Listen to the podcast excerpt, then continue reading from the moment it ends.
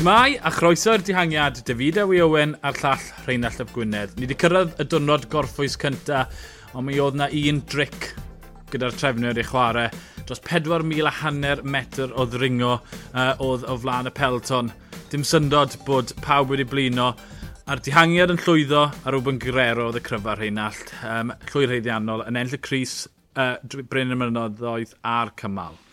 Gwych iddo fe, ie, yeah, uh, yn ennill y pwyntiau ar, ar y dringfeidd, ond falle bydden ni yn gweud y clyfra, falle, yn edrych na'r clyfra. Reit, nath e ddringo yn well na Castro, reit yn y diweddglo, ond nath e braidd stitch yn y waith trwy trw dydd yn y dihangiad gwreiddiol na chwaith pam ddihangodd uh, Castro lan yr hewl. Wrth gwrs, dim dewis y Castro oedd rhaid iddo wneud na i roi unrhyw gyfle iddo fe ennill, ond eistedd ar olwyn uh, Nath Guerrero sydd yn berffaith, mae perffaith hawl dy fe wneud. Mae ma, ma, ma fe'n dacteg ni wedi gweld bod, sawl gwaith, ond ie, uh, yeah, llongyfochyadau mawr iddo fe ag i EF am ras.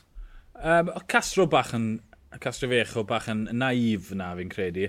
Um, wedi iddyn nhw mosog y gwared a Wobas, Franchini, Aberg. Bydde ti'n meddwl bydde... Bydde Castrofecho wedi ceisio pwyso ar Ruben Guerrero. Falle bydde twyd, y, y, tîm wedi gweud, wel, sut ti'n cael gweithio o gwbl. Ond oedd e wastad yn mynd i giro fe yn y 300 medr diwethaf. Mi oedd mm. angen i Castrofecho cael gwared yna fe ar ryw bwynt yn yn y kilometre cynt. Ond falle, a hefyd, falle oedd Castro Castrofech yn sylweddoli to dim ond coesau ar gyfer ail o dyfe. A hefyd, oedd cyn lleiad y fwlch rhwng nhw a gweddill dehangiad, beth oedd e, yw hanner munud, falle oedd yn sylwi o dim digon o, o, o amser gyda fe i ffineso ac i, i, i, i bwyso hefyd o ystyried, neu cyn lleiad y waith oedd Guerrero wedi wneud. Felly oedd e siŵr wedi hen dderbyn, rhaid, mae'r boi yn mynd i fod yn ôl oen, nawn ni daflu'r dais ar, ar y ddringfa ola, and wrth gwrs, nath e golli'r dydd. Ie. Yeah rhywbeth yn gyrero ddim yr enw mwyaf, ond mae pawb o fewn y pelton yn gwybod talent, oedd y sôn, pam dath y trwyddo rhyw 2-5 mynd yn ôl, ta fe oedd y falferde nesaf, felly roi syniad o'r cic sydd y fe. Um, a mi nath Castro Fecho roi i fyny yn gyflym iawn. Grero hefyd yn, yn hawlio Chris Bryn yn mynddodd. Mae, mae e wir yn gysadleuwr o gyfer y teitl na. Allai ti weld e yn hawlio fe nes, nes y diwedd? Uh, bydde fe'n syndod mawr i fi, tas fe ddim nawr yn anelu am y Cris. Mae fe wedi ennill i gymal, bydde mynd adre a Cris yn wych, tywa, i weld e ar ddiwedd y, y ras yn esgyn y podiwm, y cymryd y Cris yn ymlaen, bydde'n ffantastig i'r tîm. Felly, ie, yeah, dwi, dwi llwyr ddisgwyl iddo fe nawr anelu at uh, Maliatura. Ie, yeah, mae'n ddigon o bwyntiau ar y hewl cyn bod ti'n cyrraedd y mannau lle mae'r peloton yn mynd i gystadlu. Felly ie, yeah, mae yna wir o beth dy fe Um, gobeithio bod na ddringfeidd sydd gyda dingon o'r bwyntiau fel y Coled Danielo yn dod yn gynharach yn y cymalau, ddim yn cael ei tynnu mas achos falle wedyn bydde yn mynd default i'r ffefrynnau. Sôn am y ffefrynnau, um, doedd dim gymryd yn arall oherwydd y penwynt, oherwydd uh, y gwaith sydd wedi bod oherwydd y tywydd a'r graddiannau, oedd e'n galed iawn wneud gwahaniaeth mi welon ni nib, tîm Nibli yn ceisio gwneud gwaith rhyw 30 km o'r diwedd, ond bron o fod llosgu tîm ei hunan o ystyried bod holl dîm synweb dal yn y pelton ar ôl i nhw'n wneud y gwaith. Um, Stym y tîm gorau gyda fe, ond a gweud y gwir, wylwn ni ddim byd nes y kilometr ola wedyn. Um, y rai ath yn glir oedd Fulsang a Celderman, fel y disgwyl, um, cael rhyw bedwar eiliad ar Maica a Conrad, McNulty, Potsavivo.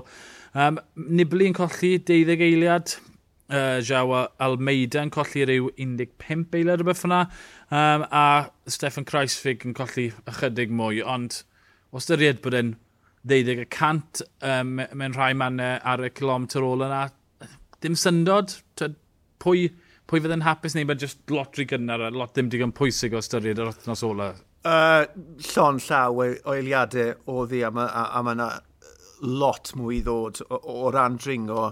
Uh, bydde Nibli fi'n credu bach yn myth bod e wedi mm. colli'r amser yna, tral gwaith i ni wedi gweld e yn llywyrchu yn y fath hyn o dywydd, ond eto ti beth yn gwybod sut mae tywydd yn yn effeithio na ti. Oedd hi'n o'r iawn a mae ma, lli cloed y gorff di lan a falle dyna'n union beth ddigwyddodd. Ond yn ebyti ar ôl gymaint o waith gan, gan y tîm, uh, fel o ti'n sôn, i fi y graddiannau oedd e. Uh, oedd na ddim digon o gyfle uh, yn y kilometre cynt i, i wneud y gwahaniaeth, a fi'n credu nath y tywydd a'r tymheredd jyst rhoi full stop mowr ar yr holl beth.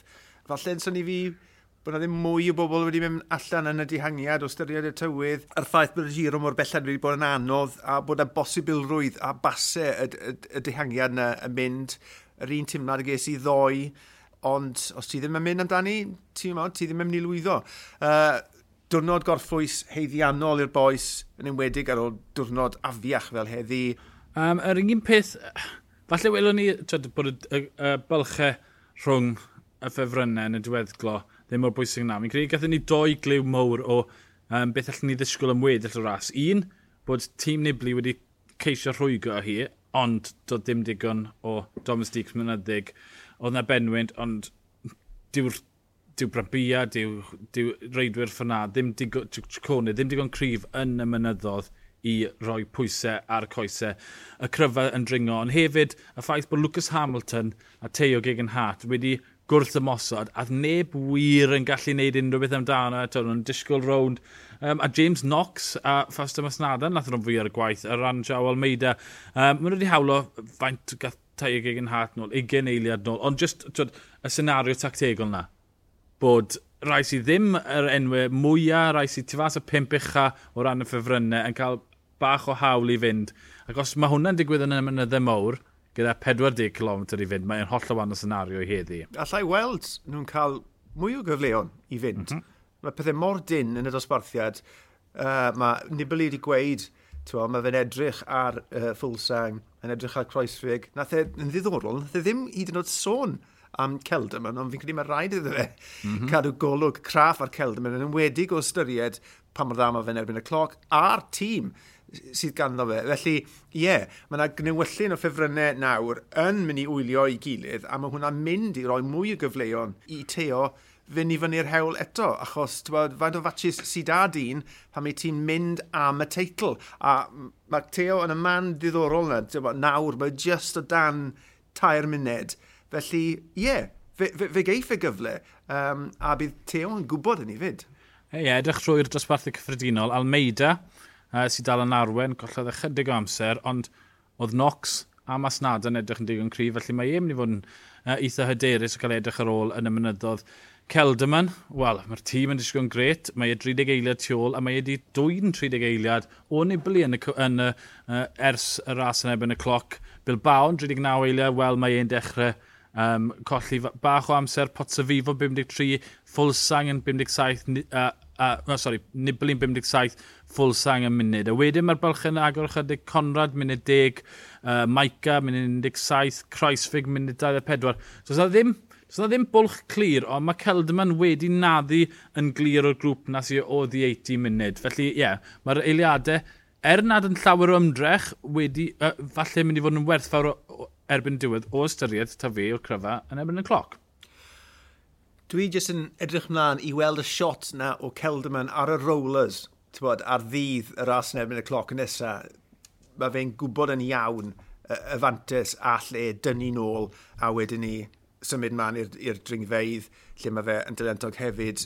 Ie, yeah, mae ma, ma pethau'n edrych yn eitha da i, i, i Celderman. Reit, mae'n biti mawr bod Geraint wedi gadael y ras, ond mae ma, ma fe a Yates nawr wedi mynd adre, mae'r ma, ma senario mor, mor, mor ddiddorol.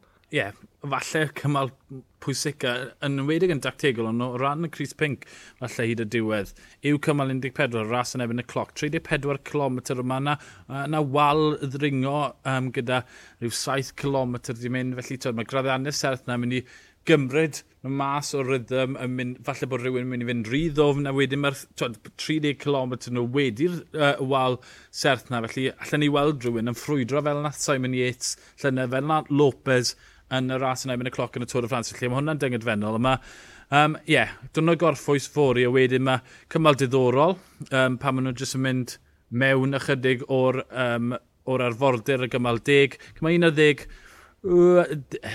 cymal wybio. cymal deuddeg, nawr mae hwn yn gymal uh, sy'n edrych fel cymal alden.